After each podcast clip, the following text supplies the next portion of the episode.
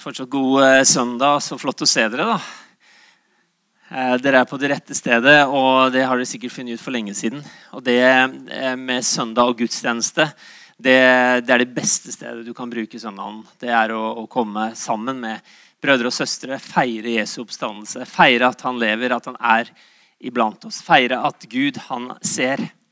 Feire at uh, hans navn, det er over alle navn det er eh, ingen selvfølge. Og, og, jeg kommer fra, eh, rett fra Langesund, faktisk. Jeg har vært der i helga og spilt på eh, skjærgårdssang. Så eh, jeg spilte på 85 forskjellige sanger i løpet av en helg. Så det blei noen hundre Ja, moro det. Og, og, og det som eh, jeg syns var så utrolig fint, det var eh, når de åpna hele starten på konferansen, så sier de vet du hva? Det er én ting som samler oss her i dag. Det var, liksom, det var jo en kohort, fullt hus 500. Men så sier eh, konferansieren at vet du hva, det er Jesu navn. Det er han som vi er samla om. Og, og det, åh, det, setter en sånn standard på hva dette dreier seg om. Og det, det, sånn er det her i dag. Så godt å være sammen. Så er det jo herlig med med venner, eh, mine bestevenner fra Arendal, rett og slett. Så Thomas du, han, han, eh, han, er den jeg har kjent eh, lengst utenom min familie. Vi er der, altså. Av nålevende personer. Så, så vi var kompiser fra vi var smågutter. Og, og han spilte trommer, og jeg så på og tenkte han var veldig flink. Eh, og hadde ikke tenkt å spille noe på den tida der. Og så begynte jeg å spille litt etter hvert, og så har vi fått opplevd utrolig mye gøy sammen. Og Jeg må ikke snakke for mye om de, for de er jeg så glad i. så da begynner jeg bare å grine. Så, men, men, de er her, og foreldrene til Elin er her fra, fra Arendal. Så de, de, er flotte folk. altså, så Utrolig gøy at dere, at dere slipper så mye fra øst i fylket til her i Kristiansand. Det, det er sjenerøst. Jeg, jeg, sier det. Det er sjenerøs menighet. Heftige greier. Eh, jeg har lyst til å fortelle litt eh, videre fra der Egil Svartdal var sist søndag. Mange var det som bare er sist søndag? Det var veldig mange av dere. Så da, da har dere liksom grunnlaget. Han snakket, jeg husker dere hva han snakka om? Ja, de gode ryktene. Takk. Um, jeg prøver alltid også å spørre uh, hjemme, uh, f.eks. hvis de har vært på et ungdomsmøte, uh, våre barn, hva, hva, hva var det de snakka om? Så, Jeg vet ikke om du har prøvd deg på sånne spørsmål. Hvis ikke du har vært med på en samling, og så stiller du spørsmål. Det er ikke alltid det kommer så kjapt som, som derfra. Nei, det var noe med det var ikke noe med Jesus og sånn. Liksom. Ok, ja, her trenger vi å være tydeligere i pedagogikken, liksom. Vi må trenge igjennom. Men, men det var rykte, ja. Rykte om Jesus. Og ryktet om Jesus i Kristiansand, det, det er ikke så gærent, kanskje. Jeg vet ikke hva du, hva du tenker. Men, men ryktet om Jesus det gikk foran han, og det samla folk. Det gjorde folk nysgjerrige. Jeg har lyst til å snakke litt videre om, om eh, akkurat det, ut ifra det som er Betanias visjon. Og så eh, hadde jeg egentlig tenkt å snakke om noe annet, men jeg ble så inspirert av en hendelse som egentlig var litt tragisk i, i denne uka, som jeg skal komme tilbake til. Så det gjorde at jeg rett og slett endra, endra tema for, for talen i dag. Men i, eh, Betania, i Betanias visjon, den, den, er plankekjøring. Det er liksom ikke sånn du må bygge 20 setninger. Den, den er det mange av dere som kan. La meg høre. Én, to, tre. Ja. Den, den, satt ganske bra, den. Hørte dere andre som ikke visste hva det var? Mm. Jesus til folket. Jeg har bare lyst til å si litt om eh, hvorfor skal vi gi Jesus til folket. Hvordan kan vi gjøre det? Og det, det, er klart at det her er et stort tema, så jeg får liksom ikke berørt eh, alle sider her. Nå, nå, har Tore Stray sagt at jeg kan holde på så lenge jeg vil. Og det tror jeg han kanskje kommer til å angre på. Jeg vet ikke. Nei da, jeg jeg skal eh, Jeg skal ikke utnytte den friheten. Men eh, da jeg begynte som pastor jeg begynte som, eh, på fulltid for tre år siden, og da, da, måtte jeg stille meg det spørsmålet. Jeg måtte liksom ha en sånn lakmustest, hvis du vet hva det er. Du må liksom skille hva, hva, hva, er viktig, og hva er ikke så viktig. Og hva er det aller viktigste? Det måtte jeg jo spørre meg. Når jeg skal eh, være pastor for en menighet, så må jeg jo eh, hvert fall ha det i orden. Og det er nokså nok så greit. Det fant jeg veldig fort ut av. Og Så leste jeg litt om det, og så tenkte jeg hm, det her har jeg nødt for å ta alvorlig. Dette her er jo på en måte fundamentet og grunnlaget for alt annet vi skal holde på med. Og Det skal jeg ta dere med inn i nå til starten, fra Matteus kapittel 23 og vers 26 til 40. Jeg tror du kommer opp på skjermen her. Ja, her kommer visjonen. Jeg, jeg kikka på den. Jeg har en jukseskjerm. Og så eh, kan vi jo spørre, Hva betyr Jesus til folket for deg? Hvordan er det du lever den visjonen, hvis du er en del av menigheten her? Eh, hvordan er det du, du, gir Jesus til folket? Her er det mange utrolig fine folk. Jeg, kjenner, jeg har blitt kjent med noen av dere eh, som virkelig går foran og er fantastiske eksempler for hvordan Jesus kan få lov til å være med i, i hverdagen. Men allikevel så skal jeg gi deg en dårlig nyhet òg. Vi har fremdeles noe å jobbe med. Eh, her eh, står det Ja, Jesus til folket, ja, den, den, tok jeg med der, ja. Greit. Det står ikke i Bibelen, altså. Men eh, det kunne da stått. Matteus 23, vers 26. Mester, hvilket bud er det største i loven? Han sa til dem, du skal elske Herren din Gud av hele ditt hjerte, av hele din sjel og av all din forstand. Dette er det største og første budet. Men et annet er like stort. Du skal elske de neste som deg selv. På disse to budene hviler hele loven og profetene. Altså Hele Gammeltestamentet, hele Tanak, hviler på disse små setningene her. Og hvis du skal elske Gud da, med alt det du har, eh, så kan du legge merke til at det som står her, da er ingenting utelatt. Det er hele deg. Altså, her, her, her står det altså hele hjertet. Og hjertet kunne vi ha sagt mye om, men det er det, det, den innerste lengselen du har, det du virkelig ønsker, av hele din sjel, som, som handler jo om følelser òg, annet, og all din forstand, all din fornuft, er også en riktig oversettelse av det ordet. Av hele din fornuft. Du kan elske Gud med fornuften. Det er ganske heftig. Og så skal vi elske vår neste som oss selv. Dette her eh, er jo superkjent. Det er basic. Men Jesus han, han tar det ett steg videre. Og da begynner det å bli ubehagelig, i hvert fall i min verden. Han hever nemlig standarden, og så sier han følgende.: Et nytt bud gir jeg dere. Johannes kapittel 13. Dere skal elske hverandre som jeg har elsket dere. Skal dere elske hverandre? Ved dette skal alle forstå at dere er mine disipler, at dere har kjærlighet til hverandre. Og han fortsetter I Johannes 17 så ber han liksom den ypperste prestelige bønnen. altså den Eh, som teologene sier, er den viktigste bønnen som står i Bibelen. Eh, Jesus nærmer seg slutten sant, av sitt liv, og så, og så ber han liksom, det, det, er nesten som han, han ber fra dypet av sitt hjerte.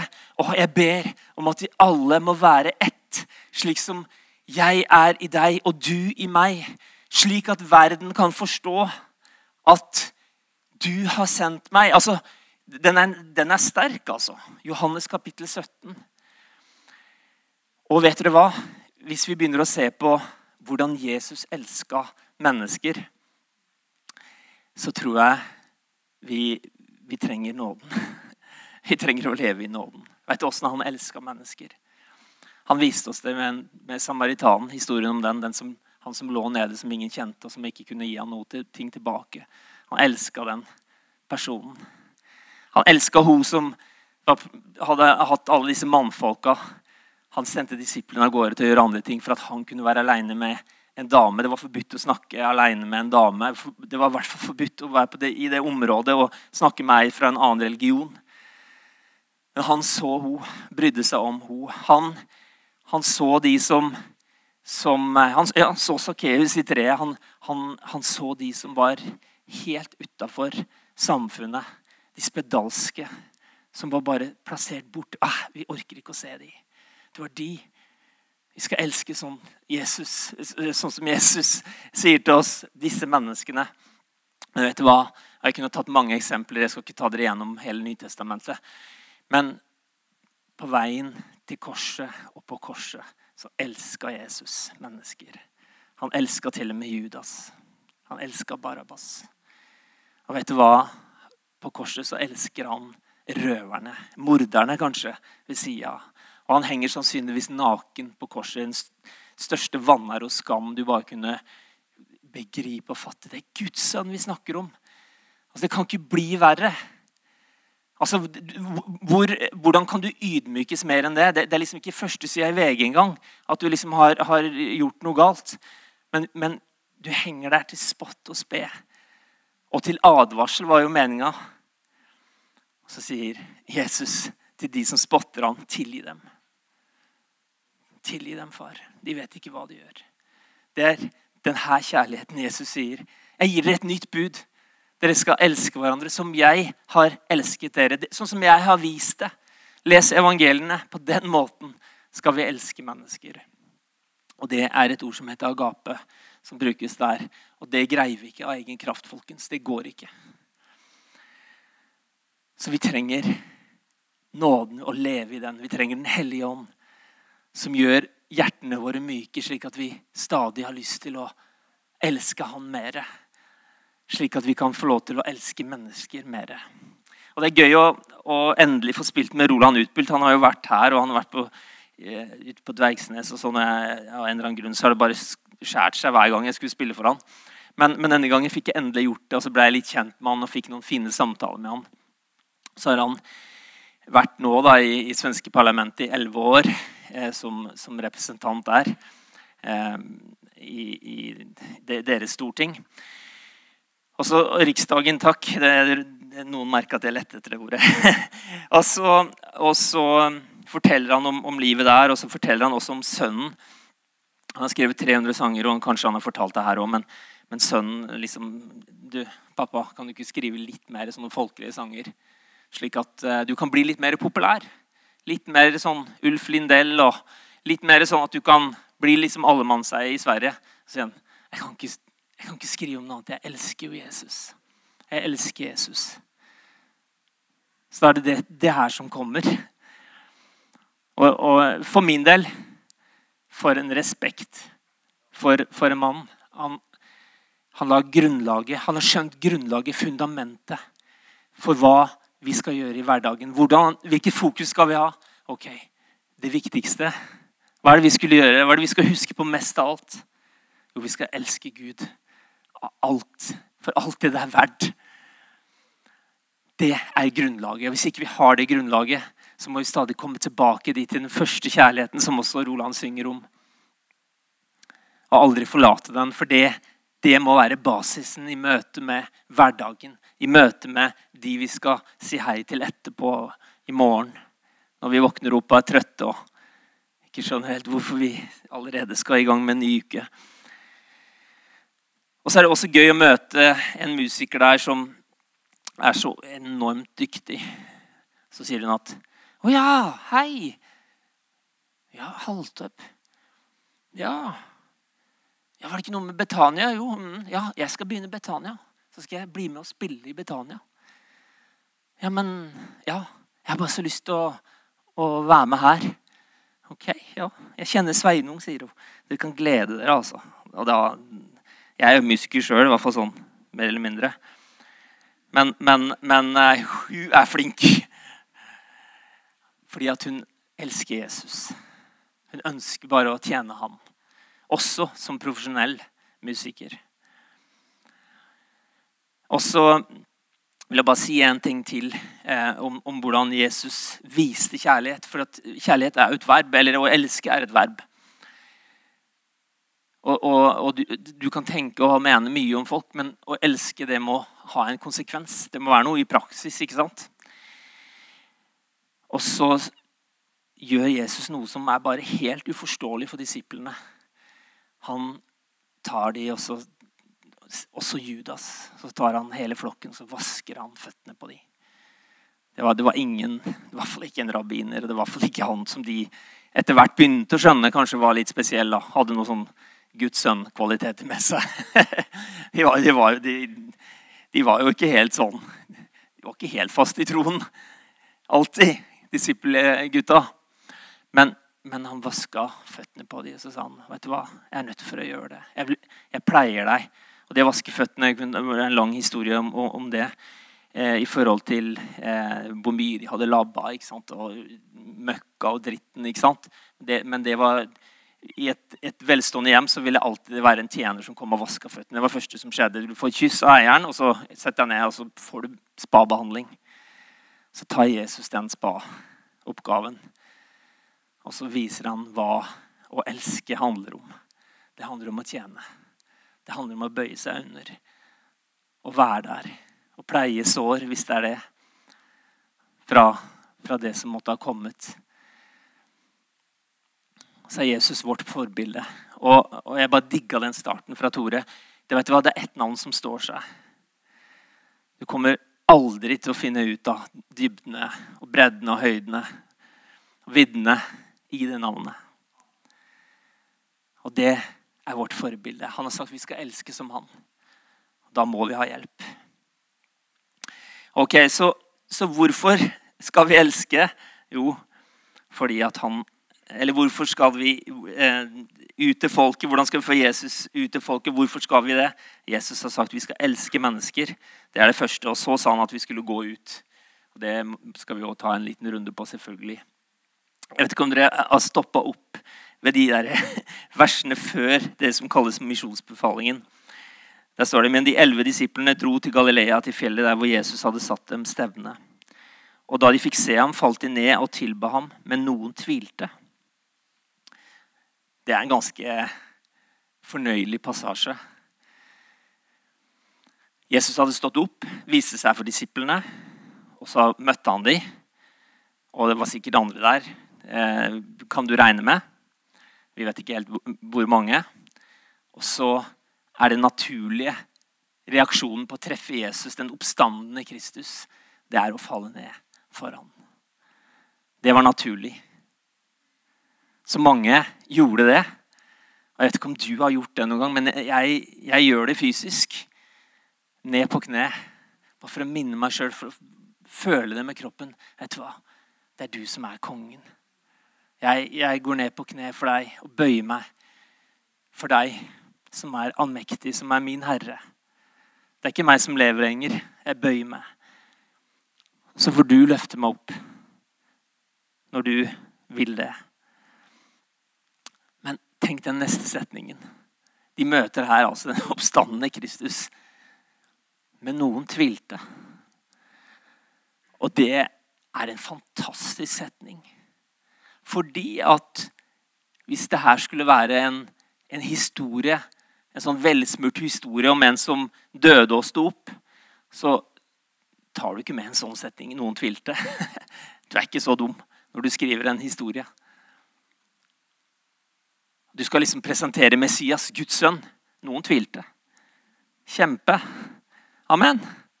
Mm -mm. Det handler om Bibelens troverdighet.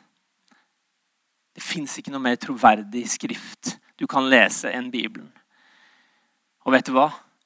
Også i tvilen så, så nevner Gud det. Han vet, han vet, om det. Han vet om deg, hva du strever med, hva du tviler på. Hvordan, hvordan tvilen kan, kan herje i livene våre. Men vet du hva? jeg tror at tvilen sitter i hjertet, akkurat som troen sitter i hjertet. Derfor står det 'bevar ditt hjerte'.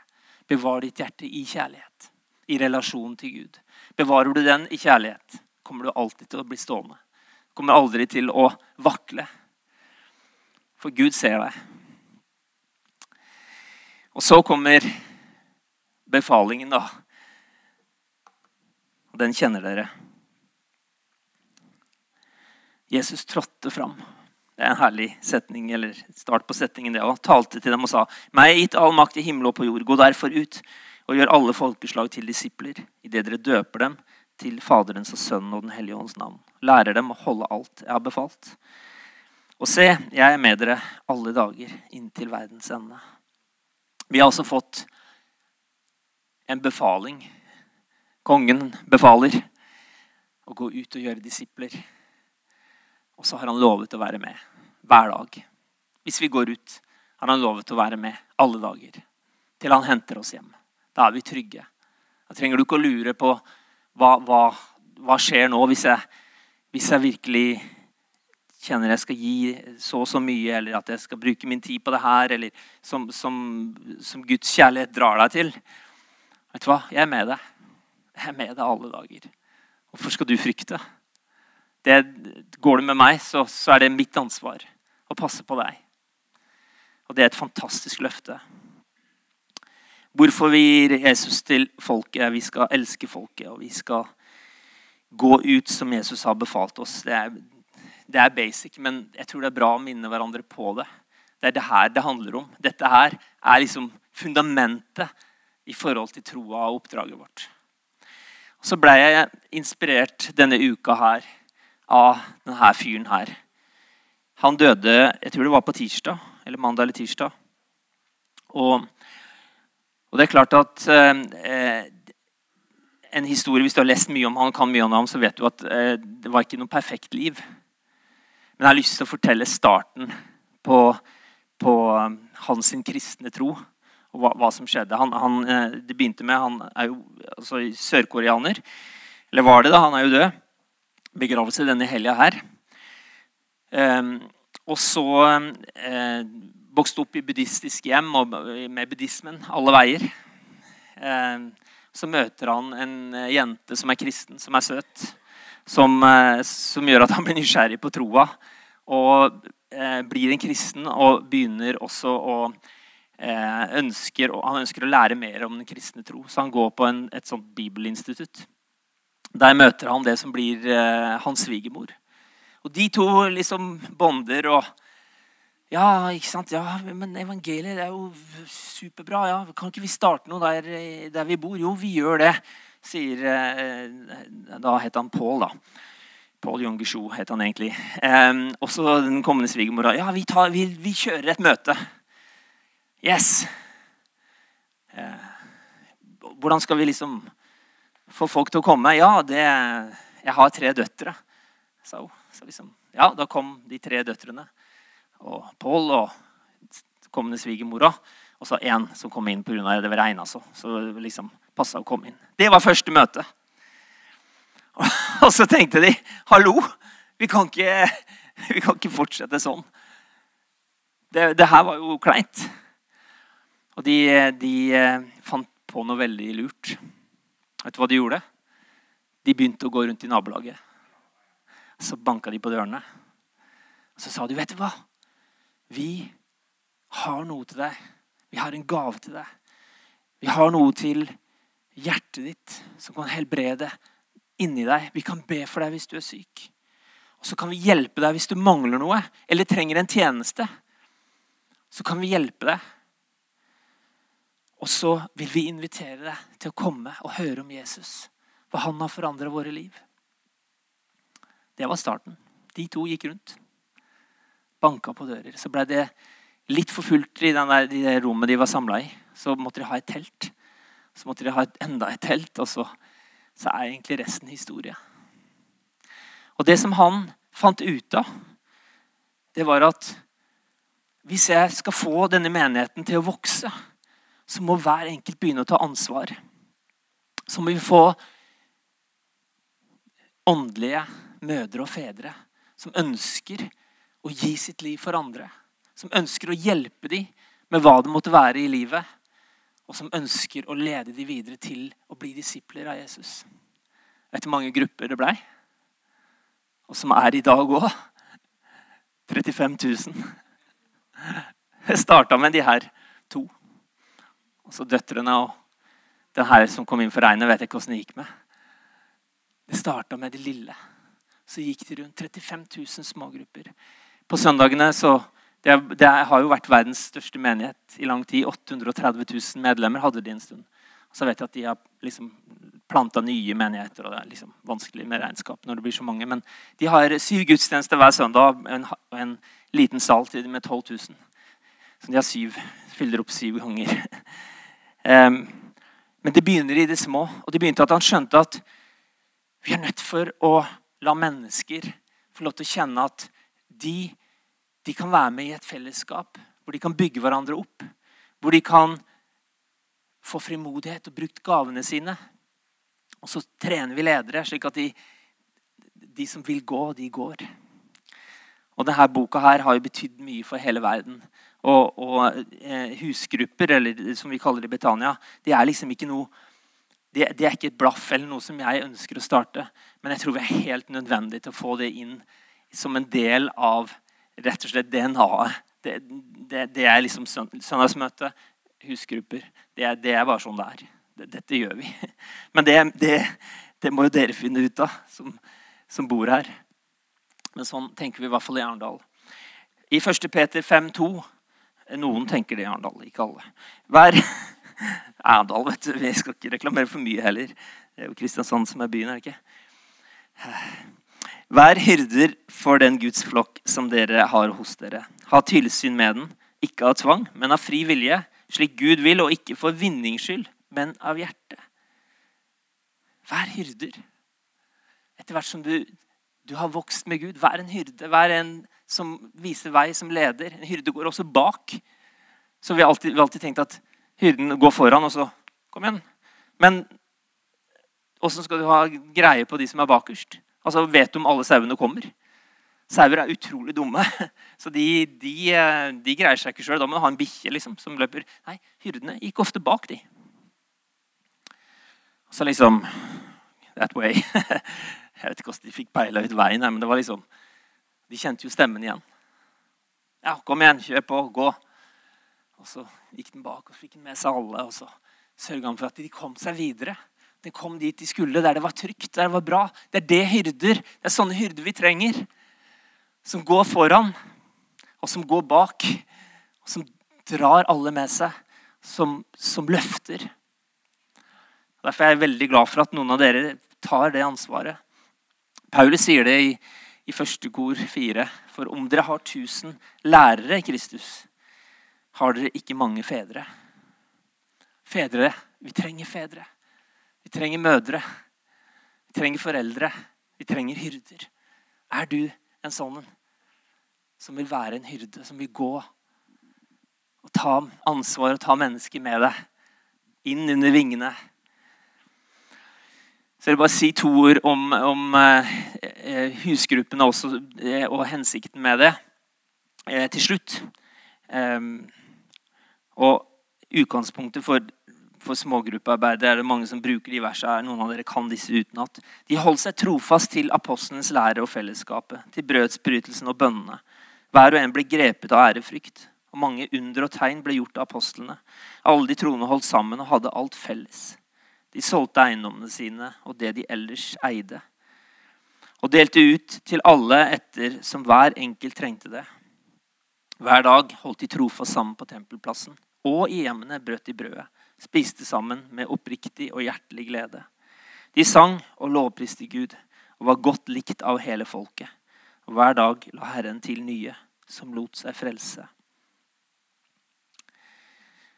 Noe av det viktigste med hjemmene og samfunnet der, det handler også om ansvarliggjøring. Jeg opplever at eh, så mange kristne i dag de, eh, de har holdninger og meninger og tror på konspirasjoner og alt mulig rart. Og så får de ikke justert seg i et fellesskap. Får de ikke bedt sammen hvis det er utfordringer i livet.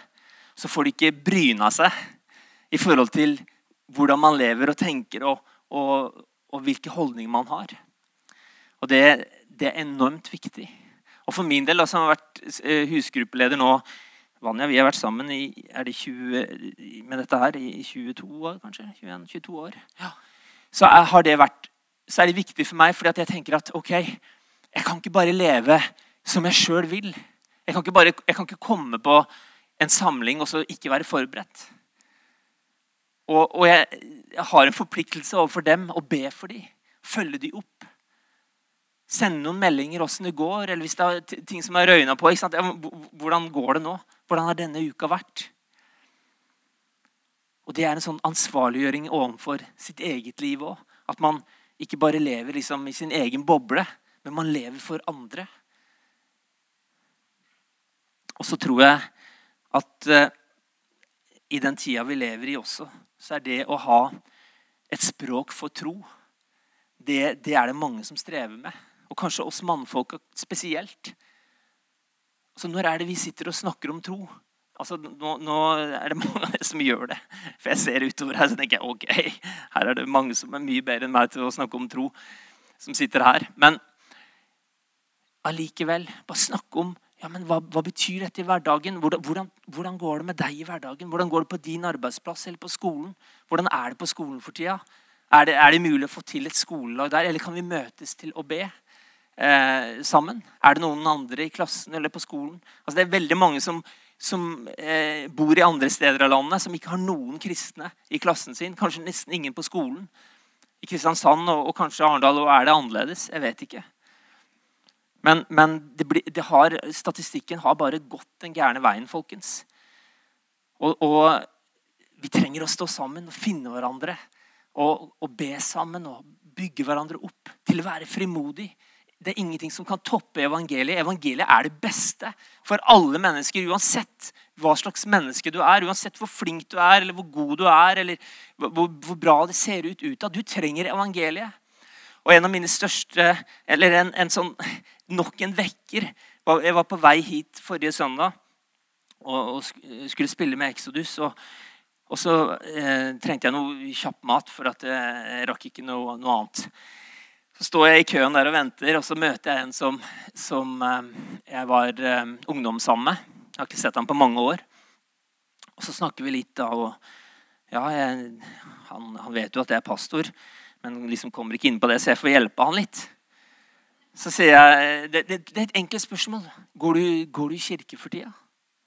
Nei, det, det, er ikke nødvendig. Ja, Hva mener du? Nei, hvorfor skal jeg det? Nei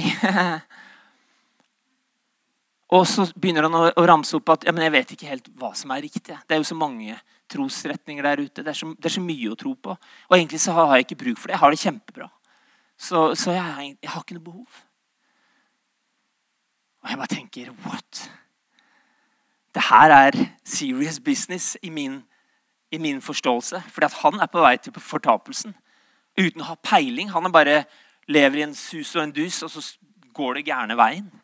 Hvis ikke han blir vekka opp, og jeg blir vekka opp, da, kanskje til å være, være en som kan si at ja, men vet du hva? Du har en som elsker deg, som ønsker å komme i kontakt med deg, som har dødd for deg. Hva vil du gjøre med det? Når du møter han en gang i døden, hva har du tenkt å si til han? Hadde jeg enda kommet på det jorda, du, mens jeg sto og kikka på han? Men jeg kom jo ikke på så smarte ting da. Det gjør jeg etterpå. Men Gud må bare hjelpe oss. For jeg tror det er, er litt av standarden i, i den omverdenen og den, i den hverdagen vi går i. Hva, hva, skal vi med det her? Hvorfor skal jeg komme til Betania? Hvorfor skal jeg være med i en, en, husgruppe? Og klart, når krisen kommer, mm, da, da, fylles jo kirken opp. Og vi har ikke hatt så mange av de i moderne tid i Norge. Men da er det liksom plutselig litt aktuelt med kirke igjen. Men vi kan få lov til å vise Jesus kjærlighet der ute. Hvorfor skjønner vi? Fordi at vi, vi har fått et oppdrag om å elske, om å gå ut med den kjærligheten. Og hvordan vi kan gjøre det? Jeg tror at noe av det er gjennom å invitere hjem. Det er en veldig bra ting. Om du må banke på døra til naboen. Jeg har gjort det. Det kosta meg utrolig mye.